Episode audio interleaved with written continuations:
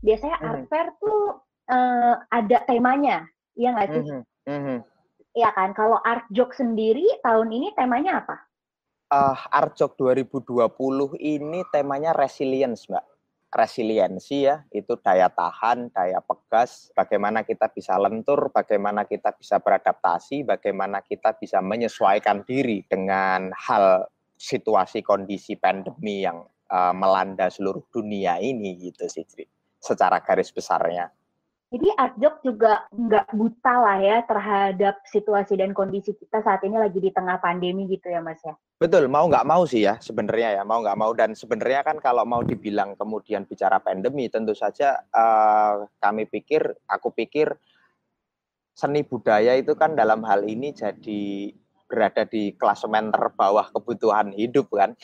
Aduh, iya. jadi jadi memang kemudian konteks seniman, konteks pekerja seni itu jadi ah nanti dulu nih kita ngurusin hmm. sektor-sektor yang dalam tanda kutip lebih penting gitu kan gitu. Jadi ya iya. ya uh, kami juga kemudian memang harus beradaptasi, berintegrasi dengan banyak hal supaya apa yang kami lakukan selama beberapa tahun ini bisa terus kami uh, lakukan di masa-masa ini gitu sih. Berarti apa yang Arjok pengen pengen tunjukkan dari tema besar resiliensi dalam pandemi ini? Uh, tentu saja ini ya, tentu saja soal bagaimana kami bisa bertahan itu yang pertama. Di resiliensi ini kami pengen bilang kalau kami tetap ada, kami tetap hadir, dan apa yang kami perjuangkan selama dan apa yang kami perjuangkan, apa yang kami lakukan selama beberapa, beberapa tahun ini tuh buat kami itu penting. Kalau kan Mas Gading di sini sebagai project eh, apa program manager ya, Betul, program manager. Iya, jadi program manager sebelum pandemi sama sesudah pandemi, apa yang dirasa ini dalam nyiapin art joke ini? Pasti kan dinamika banget kan nih? Iya, iya, iya. Oke, aku akan cerita agak panjang ini ya. Oh nggak apa-apa, jadi semua pengen dengerin Mas Jadi. Oke, jadi uh, di tahun 2019 tim kurator Arjok uh, ada tiga orang, Mas Agung Hujat Nikah, itu kurator dia berdomisili di Bandung, kemudian Bambang Toko dan Ignatia Nilu merumuskan satu rangkaian tema yang sedianya itu akan berjalan tiga tahun nih. Uh, rangkaian hmm. temanya judulnya Arts in Common. Uh, seri pertama Arts in Common itu sudah kami luncurkan tahun 2019 lalu. Jadi judulnya uh, tema besarnya Arts in Common dengan subtemanya Arts in Common uh, apa tahu ini common space gitu. Nah, hmm. Nah, uh, itu di tahun 2019. Kemudian di tahun 2020 ini sedianya kami akan meluncurkan seri uh, Arts in Common Time to Wonder. Itu hmm. itu edisi keduanya. Kami sudah sedianya itu akan kami lakukan di bulan Juli tahun ini Kemudian di bulan Februari lalu kami sudah melakukan sosialisasi ini ceritanya nih. Kami sudah melakukan sosialisasi kepada publik. Tentu saja itu kaitannya dengan bagaimana kami mengajak seniman-seniman untuk mulai berkarya untuk uh, uh, sub, open submission untuk Artsok 2020 Time to Wonder. Di Februari kami sudah melakukan uh, meeting. Terus uh, saya uh, di bulan Maret kami masih saya masih ingat dua hari sebelum pemerintah mengumumkan bahwa uh, eh, COVID-19 itu menjadi satu pandemi, kami masih melakukan meeting dengan salah satu seniman hmm. gitu. Sampai dua hari kemudian uh, meeting terakhir itu pemerintah mengumumkan bahwa uh, Indonesia termasuk salah satu yang kena pandemi. Itu cancel oh. itu itu isu cancel udah mulai gila-gilaan tuh uh, event-event lain, event-event lain udah mulai cancel gitu-gitu kan. Kami kami kami sudah mulai uh, tapi waktu itu kami masih ini istilahnya apa sih ngayem-ngayemi awak edw gitu. Ah ini insya Allah Juli selesai gitu. Jadi kami ya, masih lewat lewat lewat gitu kan.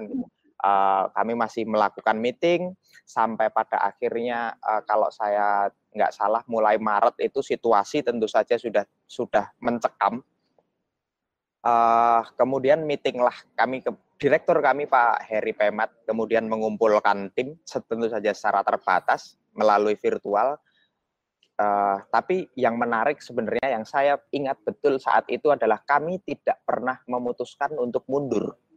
Tidak pernah hmm. ada kata bahwa uh, tahun ini tidak ada pelaksanaan arcok itu itu kata yang sangat kami hindari untuk keluar dari mulut kami masing-masing gitu. Hmm. Uh, dan dari situ saya saya sebagai uh, apa sih istilahnya uh, orang yang terlibat di sini saya saya berani cukup berani bilang bahwa di masa ini masa kemarin gitu direktur kami Mas Heri Pemat adalah satu-satunya direktur festival yang cukup gila dengan uh, dengan dengan dengan tidak melontarkan sama sekali kata mundur gitu. Tapi tentu saja situasi mencekam sampai di kemudian di pertengahan bulan April kami memutuskan bahwa time to wonder harus kita postpone hmm. uh, di di 2021. Tapi bukannya di tahun 2020 kita tidak mengadakan apa pun gitu uh, Mas Heri Pemat, direktur kami ngobrol dengan uh, salah satu tim kurator, Mas Agung Hujat Nika, mencetuskanlah ide tentang Arcok Resilience. Ini hmm. kemudian secara di awal kami menyebutnya sebagai satu uh, Arcok tanggap darurat gitu deh, Arcok hmm. emergency response gitu. Yang tentu saja di situ uh, secara oke okay, kami kami kemudian oke okay, ini Arcok Resilience ya oke okay, pamerannya ada nih tapi kemudian kita, uh, idenya ada tapi bagaimana ini kemudian tereksekusi gitu kan. Uh, kami kemudian tentu saja di situ kami perlu mengubah. Kami seingat saya ini langsung kami mengubah rencana cukup cepat bahwa oke okay, ini hanya pameran aja. Jadi pameran saja karena kemudian di awalnya kan tentu saja kami punya banyak rencana. Ada biasanya kan di dua tahun terakhir di sorry di mulai tahun 2017 18 19 uh, Arcok kan terdiri dari ada pameran utama tentu saja kemudian ada merchandise project dan ada daily performance gitu. Uh, merchandise project jadi ada di satu area Jogja National Museum. Uh, ini kalau kemudian ini saya sedang berada di area Jogja National Museum tuh ada pendopo itu itu oh. satu, satu pendopo itu biasanya kami gunakan secara penuh untuk merchandise project. Eh, hmm. Uh, satu satu pendopo full ini. Kemudian di sebelah saya ini panggung daily performance. Ini biasanya hmm. di 30 selama rentang waktu pelaksanaan Arcok setiap hari kita ada performance di situ. Ini gedung hmm. utama kami ya tentu saja. Jadi ruang pamernya ada di dalam area itu semua gitu. Jadi pada tahun ini di resilience kali ini yang hadir ya hanya di uh, area ruang pamer saja. Hmm. Panggung dan merchandise project kita putuskan kita hentikan gitu. Karena ya tentu saja pandemi ini menyerang sektor ekonomi kan gitu kan. Nah, ya, iya. ya cari sponsor tentu saja masa Allah sulit gitu. Uh, kami putuskan Arcok Resilience uh, hadir sebagai pameran saja. Uh, itu saya ingat meetingnya kemudian proposal pertama kami luncurkan di draft proposalnya kami luncurkan di bulan Maret dan ya jadilah Arcok Resilience yang sekarang gitu. Itu uh, rentang waktu bulan April sampai bulan Juli uh, Mei sampai menjelang Lebaran itu ya karena kami juga nggak bisa ngapa-ngapain. Isinya hanya kemudian menggodok konsep-konsep konsep saja gitu. Uh, ngobrol dengan seniman kami kemudian uh, tim kurator kemudian mengambil keputusan bahwa biasanya kan kami hadir dengan nih seniman mau datang yuk silahkan mau ngapain? Kayak tahun kemarin uh, komis salah satu spesial project kami Mas Handi Wirman ini kayaknya idenya adalah menggali lantai JNM gitu. Ya boleh silahkan gitu. Uh, area-area gigantis itu kemudian tidak banyak sekali karya-karya interaktif juga. Tahun ini itu tidak termungkinkan hmm. gitu jadi tim kurator kemudian lebih memutus uh, kemudian memutuskan untuk menghadirkan karya-karya dua dimensi yang hmm. tentu saja uh, secara bagaimana cara menikmatinya uh, tidak mengundang interaksi, mengurangi sentuhan dan lain-lain. Jadilah Arcok Resilience 2020 gitu sih. Hmm. Kalau misalnya apa namanya berarti saya ini nangkep nih kayak berarti direkturnya Mas Gading itu butuh kegilaan ya untuk tetap kayak pokoknya ada walaupun virtual kayak gitu ya. Betul, betul, betul. Nah, ini yang juga menarik sih bahwa kemudian di awal kami sebenarnya juga masih bingung bahwa bagaimana acara ini akan berjalan gitu. Virtual kah? Atau bagaimana nih gitu. Itu itu itu perdebatan yang saya pikir tentu saja sampai hari ini pun uh, masih diperdebatkan. Betul, betul, betul. Uh, uh, karena tentu saja soal apa ya menik bagaimana sih cara menikmati sebuah karya seni dua dimensi gitu itu itu ya. kok kayaknya uh, it, itu cara menikmati karya yang dari beberapa puluh tahun yang lalu itu sudah dilakukan dan tiba-tiba harus geser virtual kok kami, kami pikir itu jadi hal yang aneh juga ya gitu. Kami tidak serta merta bisa memutuskan bahwa ini bisa berjalan virtual gitu. Jadi uh, di awal kami sebenarnya masih skemanya jadi gini nih. Uh, oke okay, kita bikin proposal Arcok Resilience, kita bikin rencana kegiatannya, uh, berjalannya sebelum pemerintah mengizinkan, kita akan jalankan acara ini secara online. Tapi kemudian ketika pemerintah uh, sembari itu kita ngurus izin segala macam, setelah memungkinkan baru nih kita buka secara offline. Jadi gitu. Oh. Jadi sebenarnya ini juga ya ini arcok yang sangat eksperimental sih buat kami semua sebenarnya.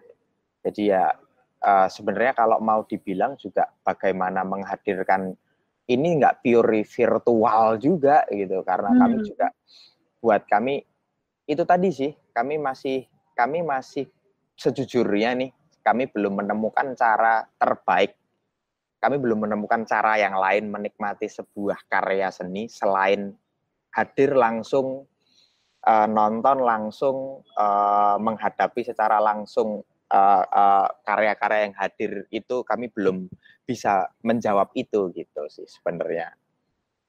Buat kami virtual itu bukannya nggak mungkin, tapi kemudian kami perlu mencari lagi sebenarnya.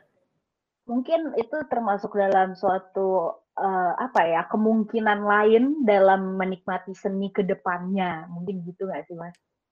Betul, betul. Itu mu, uh, mungkin saja terjadi ya. Uh, kami tentu saja tidak menolak itu. Hanya tentu saja, uh, misal ini kemarin contoh kasusnya kemarin kami begini sih ketika awal memutuskan ketika menggodok konsep Arcok Resilience ini gitu. Ini mau bikin apa nih? Uh, video 360 uh, hmm. uh, virtual reality, augmented reality gitu Kemudian tentu saja kami masing-masing mencoba mencoba fitur-fitur semacam itu yang sudah dilakukan oleh banyak uh, teman-teman yang lain gitu. Misalnya uh, kan tentu saja setelah pandemi ini banyak sekali museum-museum di luar yang uh, kemudian membuat hal-hal semacam itu, 360, virtual reality dan lain-lain gitu. Terus ketika kami coba sebenarnya kami juga tidak mendapatkan apa namanya feel-nya gitu. Hmm. Kami tidak mendapatkan kepuasan itu gitu. Uh, terus nih kita beneran nih mau bikin gini gitu. Uh, misalnya ke, waktu itu kita coba satu museum di London gitu. Oh ini nih ada nih mereka bikin fitur 360 gitu. Kesasar sampai atap gitu. Nggak bisa balik gitu gitu kan. Ini, ini kayaknya susah deh gitu. Ini kayaknya nggak bisa gini deh. Uh, buat apa ya bikin 360 gitu gitu kan oh. akhirnya kami kami kami kami bagi kami sendiri itu nggak seret gitu akhirnya kemudian kami juga kami juga kami akhirnya berpikir kembali bagaimana cara menghadirkan arcok secara virtual ini. Uh, kami akhirnya mengambil keputusan untuk meng-hire teman-teman video teman-teman oh. praktisi film dokumenter. Kebetulan saya harus sebut namanya sih. Uh, ada uh, kami diperkuat oleh satu rombongan tim dikepalai namanya Kurnia Yuda. Dia hmm. praktisi film dokumenter sekaligus mengelola festival film dokumenter. Festival film dokumenter tertua saya pikir di Indonesia. Uh, salah satu yang paling konsisten tentu saja hmm. dia uh, ber, dia mengepalai kepala dia mengepalai tim dokumentasi tim video yang kemudian uh, mereka menginterpretasi pelaksanaan arjok ini secara dengan pendekatan film dokumenter gitu. Oh. Uh, ini aku boleh share video nggak? Oh boleh boleh. Jadi uh, kami kemudian me, kami kemudian meluncurkan satu uh, karya yang namanya expanded arjok Ini satu hmm. film dokumenter panjang 60 menit uh, tentang bagaimana pelaksanaan Arjok Resilience ini uh, dibuat oleh Kurnia Yuda dan teman-teman. Ada saya saya harus sebut sih ada Kurnia Yuda, Doni Maulistia, Swandira hmm. Nadila, Krisna Putranto, Hengga Tiasa dan Hera Ditya Mahendra. Uh, enam orang itu yang kemudian memperkuat divisi uh, film bagaimana mereka kemudian menginterpretasi Arjok resilience dengan pendekatan film ini gitu. Saya uh, kami sudah meluncurkan trailernya nih. Ini silahkan disaksikan. Itu trailer pendeknya soal uh, Arjok exp uh, expanded Arjok ini fil uh, film ini bisa masih bisa disaksikan, bisa disaksikan melalui website kami uh, berbayar tapi 15.000 aja kok dan, dan hmm. uh, uh, durasinya 60 menit di situ uh, kemudian itu tadi yang saya bilang ini kemudian kami mencoba menghadirkan arcok virtual itu ya seperti ini hmm. gitu. Jadi bukan hmm. bukannya kemudian arcok yang hadir dengan semacam virtual reality atau 360 uh, video 360 gitu-gitu sih gitu.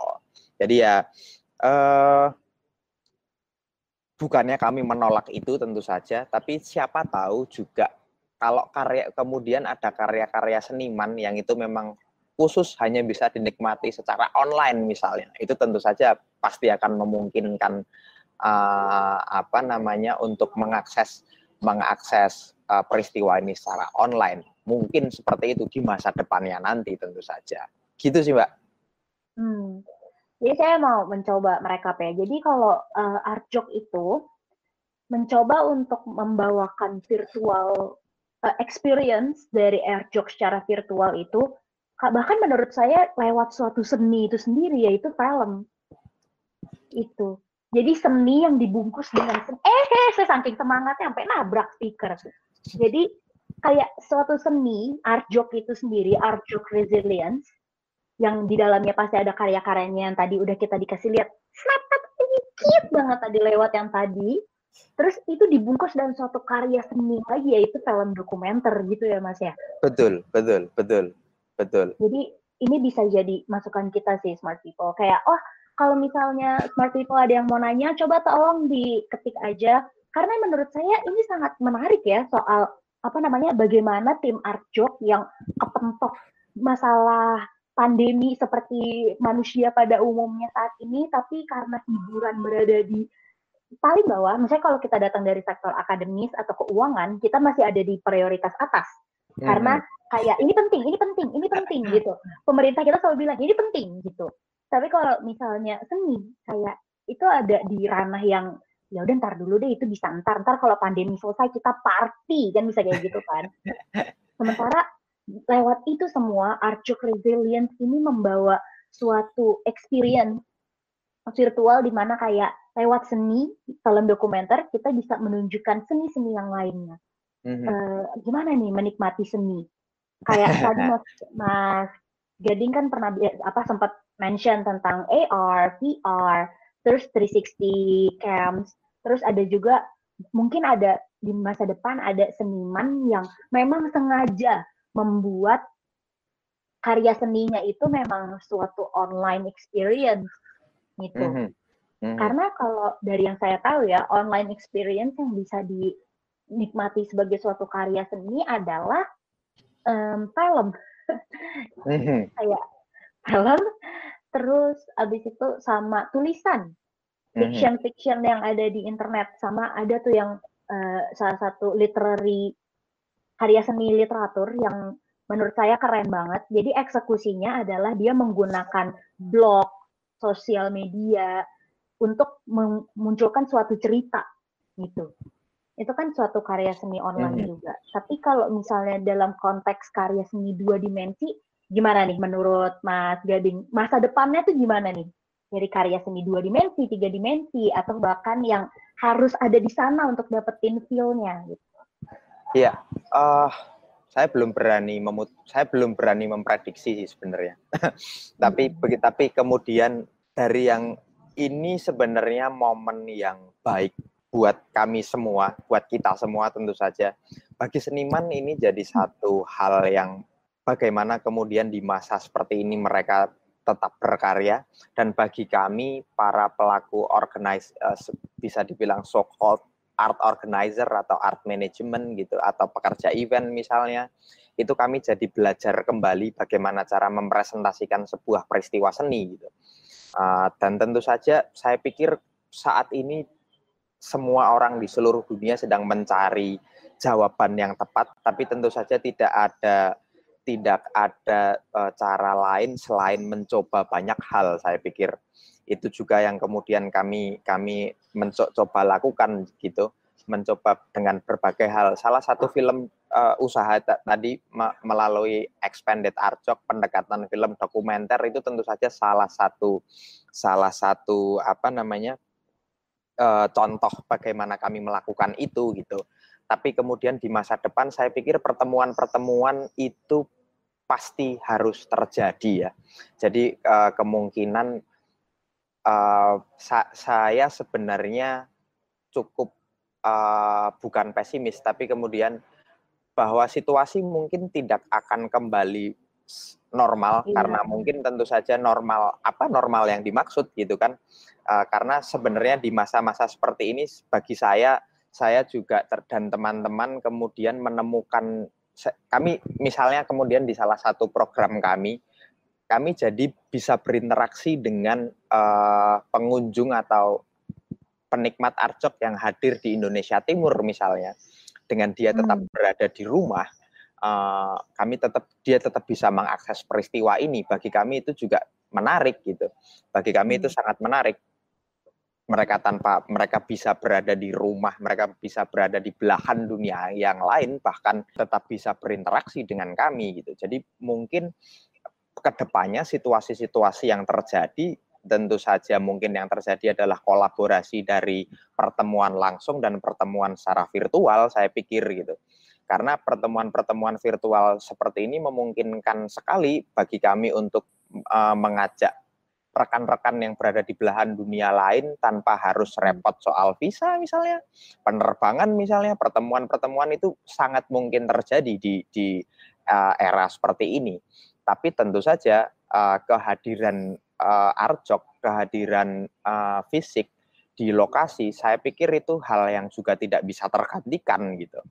Hmm. Bagaimana kita uh, kan makanya kemudian Arjok itu banyak di banyak yang melebeli Arjok sebagai satu lebaran seni kan uh, ah. karena kemudian di peristiwa ini ketika peristiwa, uh, eh, berlangsung peristiwa Arjok ini teman-teman dari luar kota teman-teman dari luar negeri semuanya datang kami saling bertanya kabar uh, bertemu di lokasi ini uh, jadi ya dan bahkan bertemunya setahun sekali gitu sih. Gitu. Jadi lebaran bisa jadi kayak lebaran beneran gitu kan. Dan kemarin kan kita juga mengalami lebaran yang beda, lebarannya virtual gitu.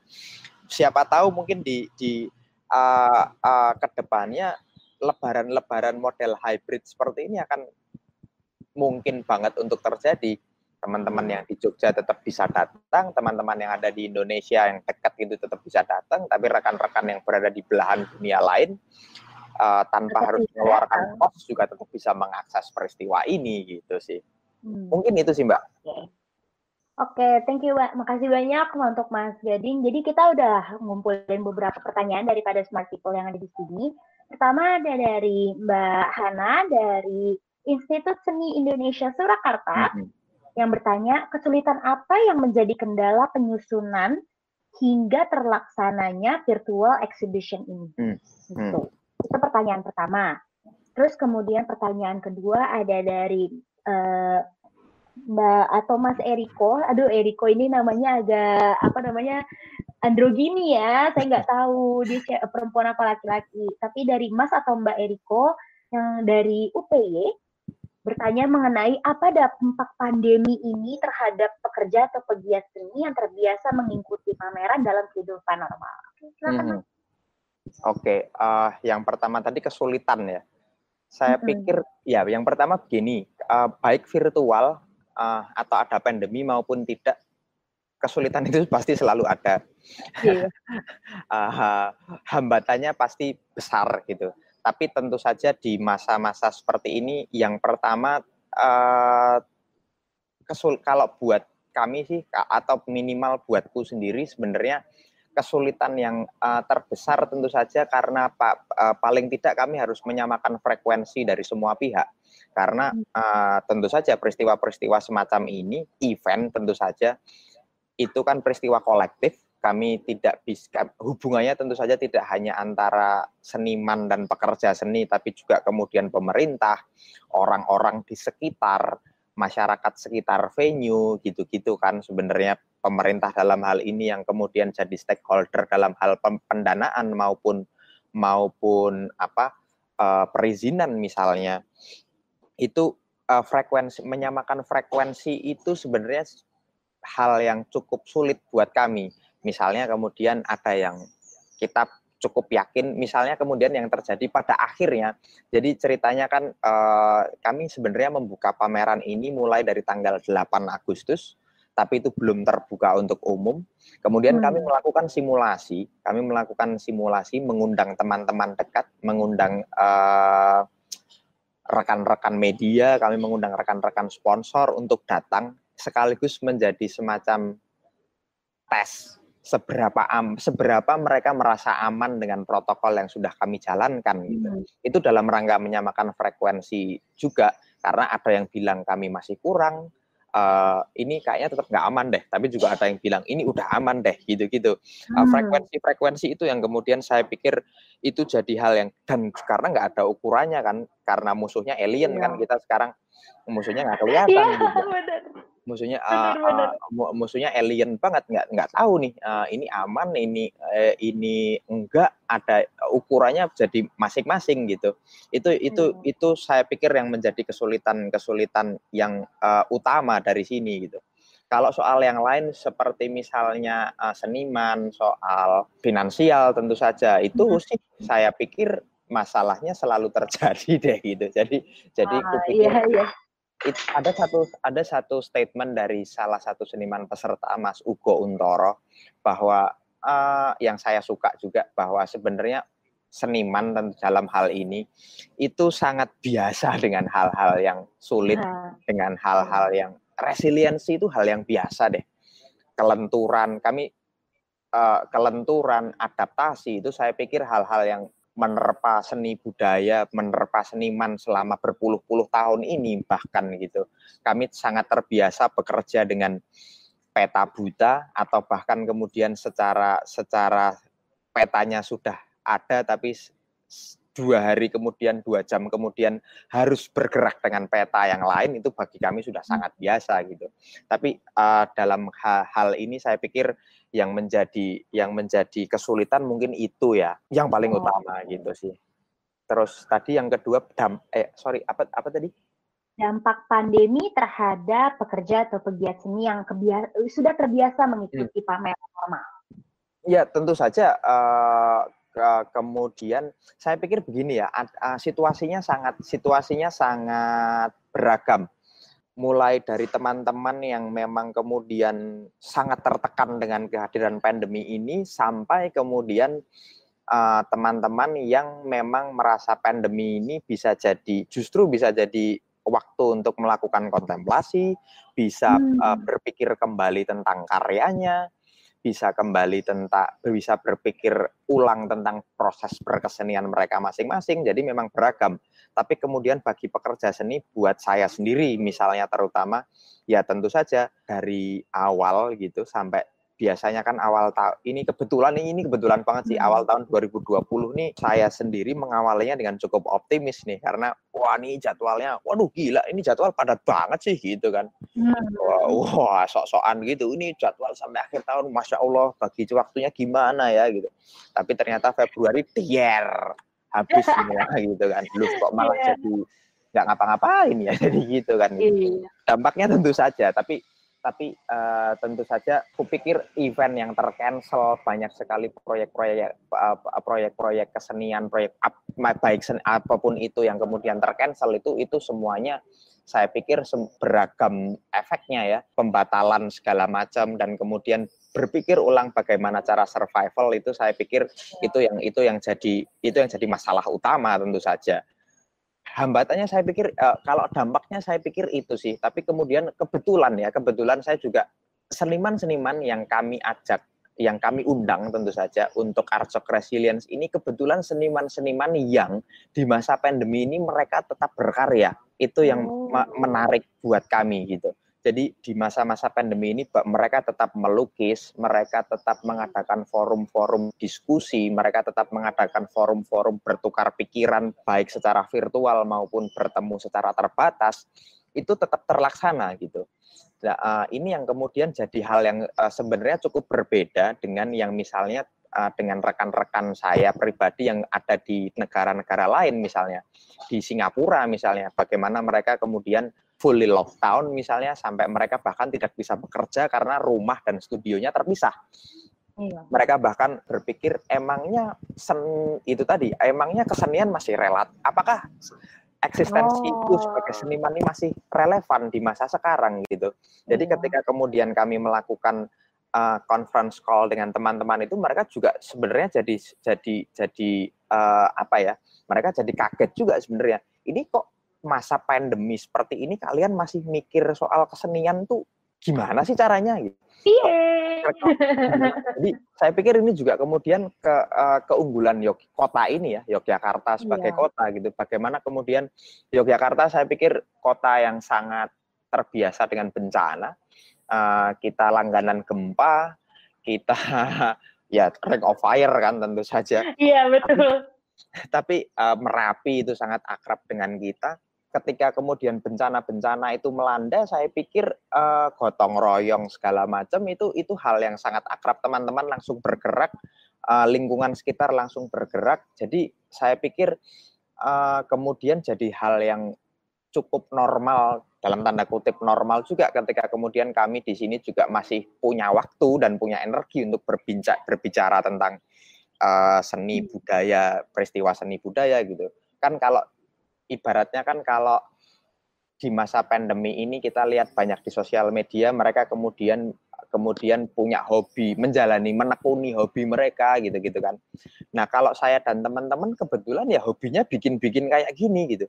Ini oh, hobi iya. yang terus terintegrasi dengan pekerjaan juga ya kalau kalau nggak ada kerja kalau bikin hobinya ngapain hobinya ya bikin pameran nah kalau pamerannya nggak jalan ya hobinya juga tidak besar iya, gitu. iya.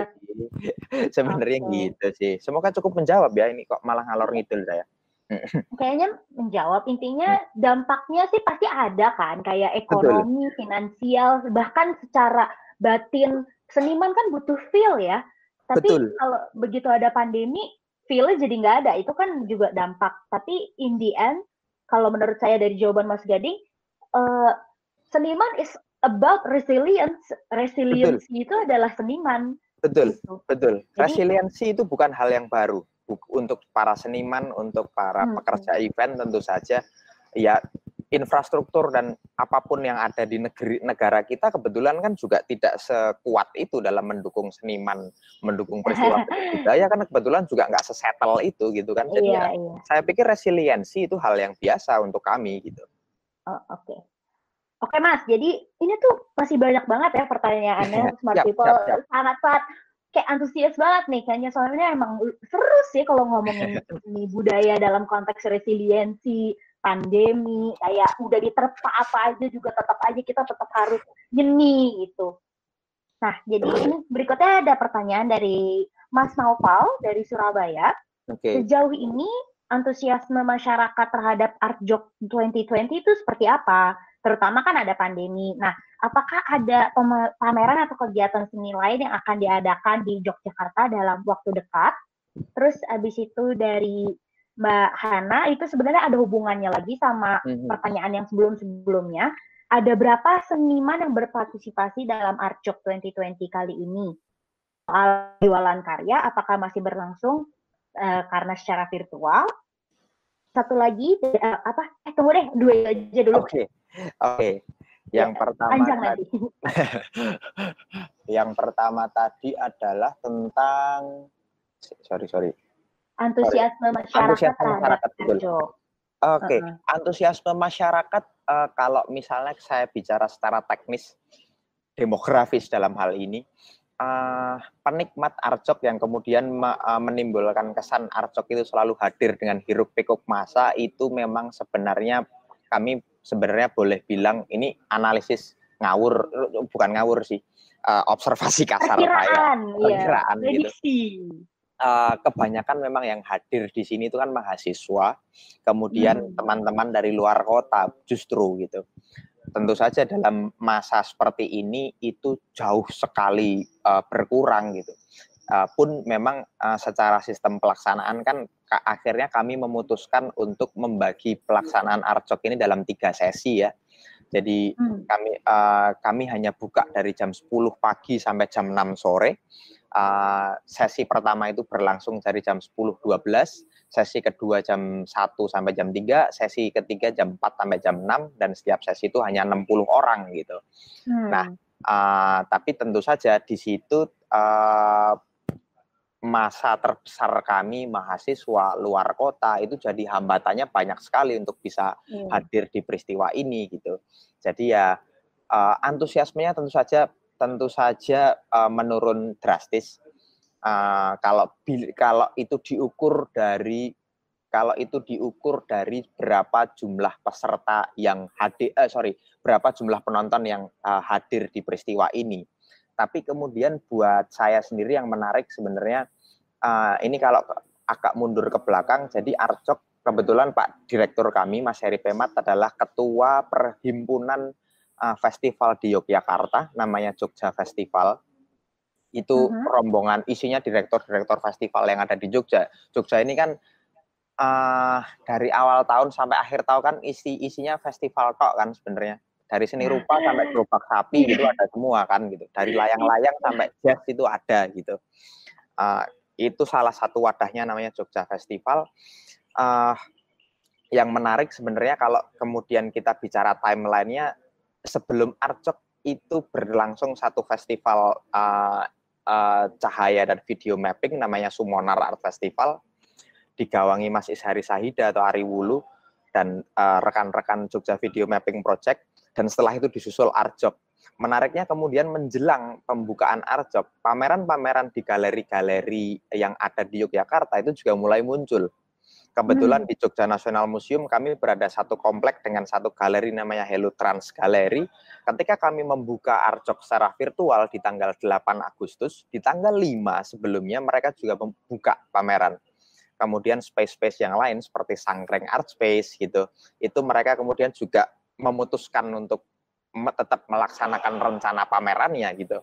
Jadi menariknya uh, kalau biasanya kan kehadiran Arjok ini kami kan kami punya satu program namanya Jogja Art Weeks yang itu hmm. adalah satu media media publikasi bersama peristiwa-peristiwa seni yang berlangsung sel, uh, men, mengiringi juga uh, selama pelaksanaan Arjok, bukan mengiringi sih, tapi juga kebetulan berada di waktu yang sama dengan pelaksanaan Arjok.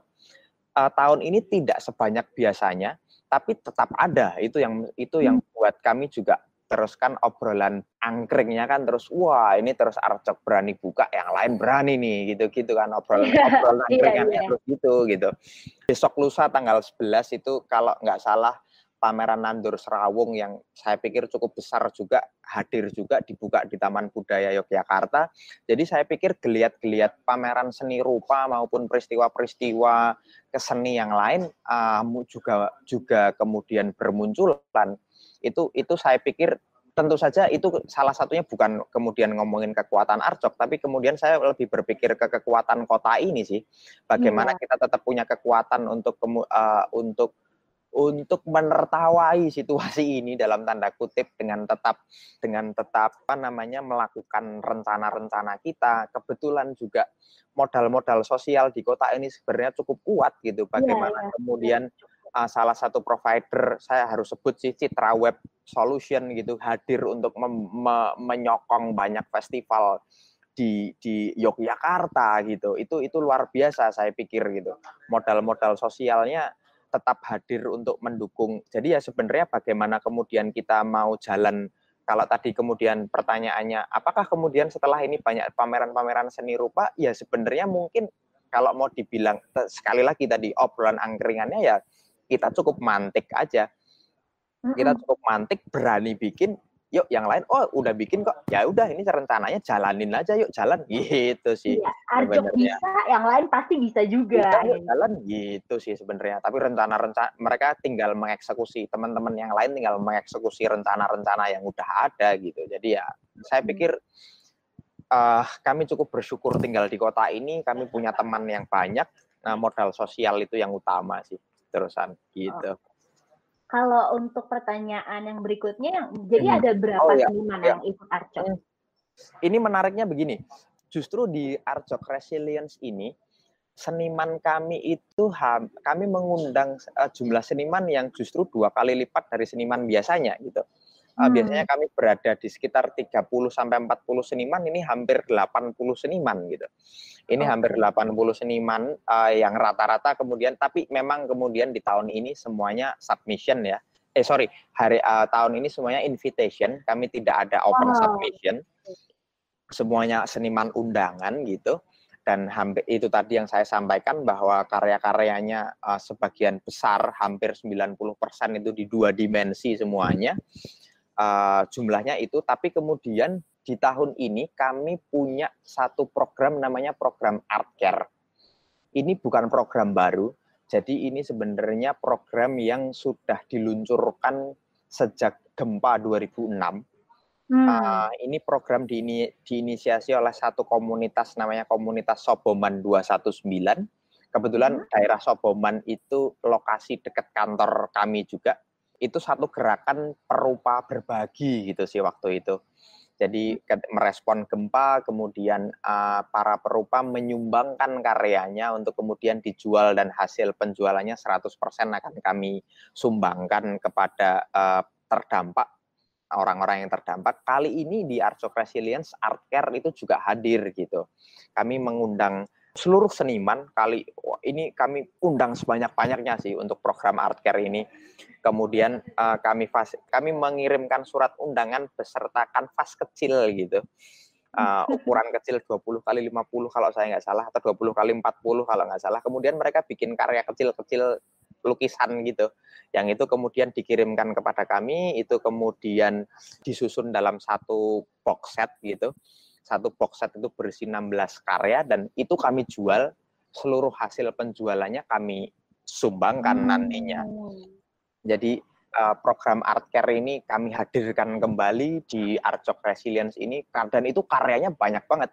Itu di ini sudah ini menjelang tutup aja animonya masih cukup tinggi dan hmm. itu itu hampir 150 seniman yang terlibat banyak sekali yang seniman-seniman uh, uh, yang terlibat dalam dalam dalam uh, program art care ini. Hmm. Kalau saya saya sampai lupa daftarnya sebenarnya. Tapi oh. uh, secara garis besar itu yang itu yang uh, terlip seniman-seniman yang terlibat di art tahun ini. Gitu ya? Iya tuh. Alhamdulillahnya hmm. begitu ya. Ya itu tadi sih animo-animo seniman masih luar biasa untuk Karena terlibat dalam peristiwa ini. Sudah sering tertimpa bencana jadi kita akrab Mbak. Seniman-seniman Jogja kayak, hmm, oke, okay, tetap tetap lanjutkan, lanjut. Oke, okay, ini kayaknya dua pertanyaan terakhir ya, uh, Mas Gading. Ya. Habis itu ada juga apresiasi dari salah satu smart people yang udah bergabung. Okay. Ini pertanyaannya dulu. Jadi ada dari Mbak Maura. Mbak Maura ini dari Institut Teknologi Bandung. Pertanyaannya adalah, halo Mas Gading, izin bertanya, menurut Mas Gading ke depannya, kalau dari Arjok sendiri sebagai art fair pertama di Indonesia yang membuat fitur virtual, apakah di tahun depan dan tahun-tahun selanjutnya di luar krisis pandemi akan ada kemungkinan konvergensi pameran? Jadi fisik iya, virtual juga iya, dan kalaupun krisisnya udah selesai, fitur online ini akan menjadi fitur tetapnya Arjok. Gimana, Mas?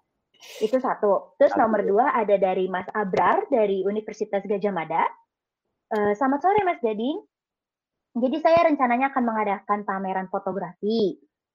untuk komunitas saya, tetapi kami seperti, eh, sepertinya tidak memiliki anggaran sebesar Arjok. Hehe, jadi tidak bisa membuat film dokumenter.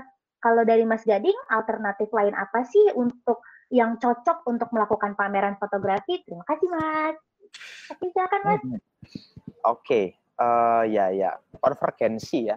Uh, ini ini kebetulan uh, ini hal yang beberapa hari ini sedang kami bicarakan dengan rekan-rekan karena di fitur-fitur online ini sebenarnya kami juga tidak serta-merta ini hanya kami pertahankan untuk masa pandemi saja gitu kan.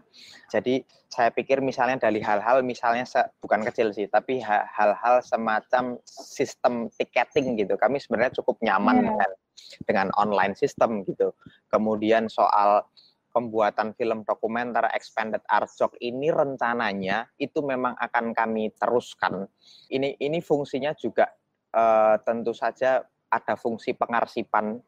Hmm. Jadi kalau biasanya kan setiap event, setiap peristiwa arcok tentu saja itu kan tim dokumentasi kami selalu punya banyak sekali bergiga-giga video tentang hmm. dan bergiga-giga foto tentang peristiwa-peristiwa ini apalagi dari 2008 gitu kan tapi pertanyaan selanjutnya tentu saja bagaimana cara mengolah arsip ini gitu. Kami juga men menangkap salah satu expanded arcok ini mung, ini juga salah satu jawaban tentang bagaimana cara mengelola arsip. Kami hmm, membayangkan hmm, uh, ketika misalnya uh, web kami juga kemudian kan tentu saja ketika pandemi ini paling laris kan teman-teman web designer ya sama teman-teman uh, video teman-teman jaringan itu luar biasa gitu. Saya juga cukup ini kok tahu gitu dari dulu belajar video serius gitu kan. Saya dulu uh, publisia foto klub di uh, komunikasi UGM saya bolos ya. Jadi uh, foto motretnya juga jelek gitu. Uh, UFO UGM juga cuma numpang nongkrong gitu. I, uh, kami membayangkan di masa-masa selanjutnya setiap arjok itu akan punya satu versi expanded arjok gitu. Hmm. Jadi itu itu adalah satu paket lengkap bagaimana kami bisa mengakses uh, orang publik dari mana pun ketika kemudian bertanya mereka mengakses bagaimana arjok yang resilience itu gimana sih? Time to Wonder itu gimana sih? Mereka tinggal nonton aja expanded arjok. Mereka tinggal nonton satu film dokumenter dan insya Allah mereka bisa dapat secara gambaran bagaimana peristiwa hmm. ini berjalan gitu.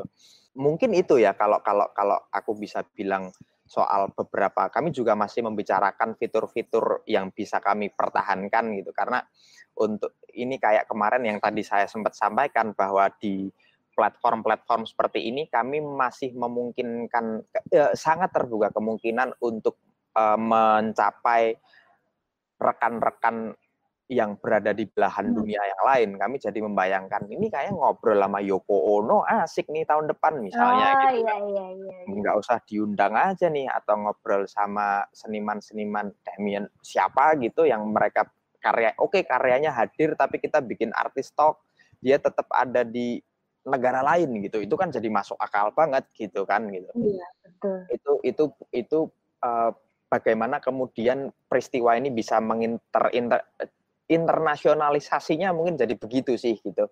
Iya. Uh, kalau yang kemarin kita masih, waduh ini harus bekerja dengan kedutaan ini untuk ngirim ini iya. ini ini dia harus datang gitu. Sekarang ya uh, tinggal ini internetnya kenceng nggak? Eh, terus penyesuaian jam gitu kan. Mungkin ya ini ini the new normalnya. Kita jet lagnya ada di harus karena harus bangun jam 3 pagi aja mungkin gitu. Mungkin itu gitu yang yang yang yang fitur-fitur konvergensi kali ya. Kan. Betul, betul. Tapi kemudian itu tadi soal bagaimana cara mengakses, menikmati karya itu kami ini mungkin juga statement yang bukan statement mutlak, tapi statement saat ini adalah kami ya. belum bisa menemukan cara lain untuk menggantikan um, bagaimana menikmati sebuah pameran karya dua dimensi, pameran rupa uh, secara virtual. Jadi hmm. buat kami bagaimana cara kalian mau menonton, ya hadirlah di lokasi ini gitu. Iya. Jadi, uh, untuk program-program online, untuk uh, virtual-virtual yang lain itu beda lagi, itu beda cerita gitu sih. Diskursusnya udah lain tuh gitu. Oke. Okay. Oke, okay, kalau ya. misalnya untuk gimana caranya membuat pameran fotografi yang yeah. budgetnya nggak sebanyak Arjok. budgetnya nggak sebanyak Arjok tuh berarti berapa? Wah, berapa? Ya, Arjok nggak besar, Mbak, Mas. Sebenarnya yang kuat itu modal sosialnya, tentu saja. Hmm. Yang pertama saya pikir itu sih. Uh, uh, uh, saya pikir saya pikir begini, uh, saya uh, saya, saya mikir juga ya, kak mungkin nggak sih Arjok ini terlaksana di kota lain gitu uh, hmm. uh, dengan dengan cara yang seperti ini. Saya pikir ini susah gitu, karena misalnya nih kita mau bikin di kota lain, katakanlah contohnya Jakarta gitu. Oke, hmm. mungkin kita bikin di Jakarta Convention Center misalnya Ya, Terus uh, salah satu seniman kita, Mas Handi Wirman, ini bisa nggak uh, apa namanya tanahnya digali gitu? Waduh, ya kisruh. gitu. Bagaimana kemudian modal-modal sosial hadir untuk mendukung kita gitu? Itu itu saya pikir uh, uh, modal utamanya Arjok itu sebenarnya itu sih gitu. Hmm. Uh, uh, hadir dengan teman-teman yang banyak uh, sampai kemudian kita banyak melakukan transaksi-transaksi yang itu kemudian transaksinya tidak uh, berhenti di soal material saja gitu. Tapi bagaimana kemudian mereka dengan bahkan banyak sekali yang sukarela membantu hadir membantu kami hmm. untuk pelaksanaan acara ini itu nggak sedikit gitu. Eh, seniman-seniman yang hadir pun bahkan bisa dibilang mereka supportnya sangat besar terhadap peristiwa ini gitu. Jadi saya pikir kalau misalnya keterbatasan dana, kalau miskin secara ekonomi finansial, modal sosialnya harus kaya dulu nih, hmm. kan misalnya begitu. Nah kalau kemudian bicara soal uh, platform digital, sebenarnya buat kami juga uh, ngomongin ngomongin platform digital itu sebenarnya bahkan bahkan platform yang bisa diakses dengan melihat budget itu bukan se, bukan harga mati kan gitu. Ngomongin internet misalnya kita bisa menemukan internet di mana pun gitu. Zoom ini sekarang saya uh, in, ini kita modal satu laptop satu apa namanya handphone gitu beres.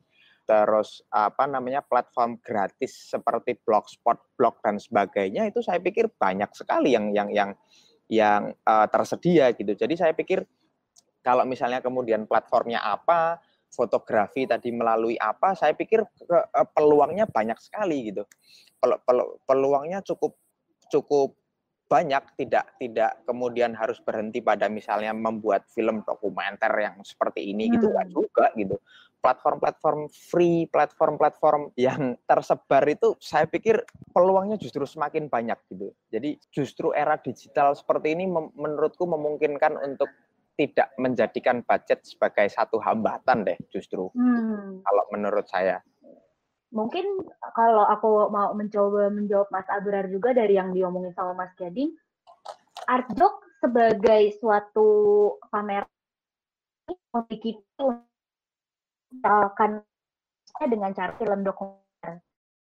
Nanti pamerannya Mas Abrar juga punya visi sendiri bagaimana menghadirkan experience tersebut untuk para penikmatnya lewat platform digital kayak gitu betul. mungkin kali ya. Betul, betul.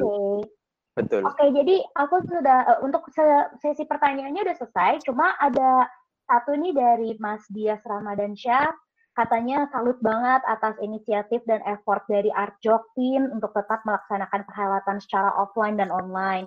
Tapi memang pameran daring kan pada akhirnya pasti memiliki keterbatasan. Terus pengalaman seni-seni seperti berinteraksi dengan karya kayak instalasi, 3D, ataupun karya yang membutuhkan partisipasi audiens itu sendiri kan nggak bisa digantikan dengan apa pameran virtual. Terus ada juga yang kayak aura-aura apa ya dulu saya di teater disebutnya keajaiban seni keajaiban panggung yang datang lewat warna bentuk dimensi itu kan nggak tergantikan. Nah spirit seniman juga minim terasa melalui pameran daringnya ini. Nah tapi apa pun semangat terus bergerak patut diapresiasi tidak banyak yang memiliki semangat juang seperti Arcok. Semoga kita bisa semoga Arcok bisa menginspirasi yang lain. Terima itu kasih Mas Yes. Oke, kalau dari Mas Gading, sebelum kita tutup acaranya, uh, ada closing statement apa bagi teman-teman smart people yang ada di sini yang, atau yang akan menonton di rekap ulang kami? Silakan, Mas. Uh, Oke, okay. uh, yang closing statement ya. Kalau buat saya sih, uh, yang pertama tentu saja terima kasih ya. Saya saya perlu mengucapkan terima kasih karena sudah uh, diberi kesempatan untuk cerita ngalor ngidul soal Arjok Resilience tahun ini. Uh, ini juga salah satu forum-forum seperti ini saya pikir juga salah satu yang juga uh, menumbuhkan semangat kami ya bahwa tentu saja publik tetap mengapresiasi apa pun bentuknya apa yang sudah kami lakukan. Ini kan juga salah satu forum yang uh, tentu saja bisa dinikmati mungkin bisa dibilang mungkin publiknya tidak hanya publik seni bisa dibilang gitu, mm -hmm. tapi banyak sekali tapi tapi uh, berangkat dari berbagai macam uh, lini. Jadi ya uh, saya sih forum-forum seperti ini juga juga modal sosial yang memperkuat kami tentu saja. Uh, kemudian saya mau iklan aja sih kalau peristiwa ini Arjok Resilience uh, akan berakhir besok tanggal 10 Oktober tapi eh, teman-teman uh, masih bisa menyaksikan expanded Arjok di website kami. eh, teman-teman bisa mengaksesnya berbayar uh, itu satu film pen itu film panjang 60 menit dokumenter tentang bagaimana perjalanan kami membuat dan juga para seniman untuk hadir di Arjok Resilience uh, tahun ini gitu. Ya doakan semoga kami tetap uh, konsisten tentu saja uh, sehingga arts in common rangkaian arts in common beberapa tahun ke depan masih bisa terlaksana dan ya teman-teman bisa hadir dengan santai tidak uh, dengan protokol yang ketat kita masih bisa mengalami yeah. lebaran seni secara dengan bertemu secara fisik itu oh. aja sih mungkin Baik, terima kasih banyak Mas Gading. Nah, nah kemudian bagi smart people kita, uh, bisa apa ya melihat lebih lanjut soal art job di mana Mas? Ada oh, iya. Instagramnya, ada sosial ya, media? Uh, in, kita punya eh, silahkan pantau terus ya kanal sosial media kita, YouTube-nya ada di Arjok, kemudian uh -huh. website kita ada di arjok.co.id, uh, Instagram kita di arjok.id, Twitter dan uh, tadi Twitter dan YouTube dengan nama Arjok. Silahkan uh -huh. disimak di situ informasi-informasi uh, dan semuanya tentang Arjok. Nah, oke. Okay. Jadi sekalian juga sambil kayak oh Arjok keren nih gitu kan at Arjok. Nah, terus abis itu sambil juga lihat at CFDS underscore UGM. Apa aja yang terjadi deh UGM eh, di CFDS karena kita masih banyak event-event seru lainnya. Terus ada juga penelitian-penelitian terus kapan lagi kan kayak aduh lagi nugas pusing-pusing nggak ada referensi kayak CFDS UGM adalah solusi bagi tugas Anda. Oke, terima kasih banyak Mas Gading. Terima kasih terima banyak. Terima kasih. Teman-teman CFDS. Iya, dan bisa bantu kami juga CFDS untuk ke depannya apalagi sih yang bisa diomongin di ugm.id slash kritik saran CFDS. Oke, terima kasih teman-teman. Bye-bye. Terima kasih.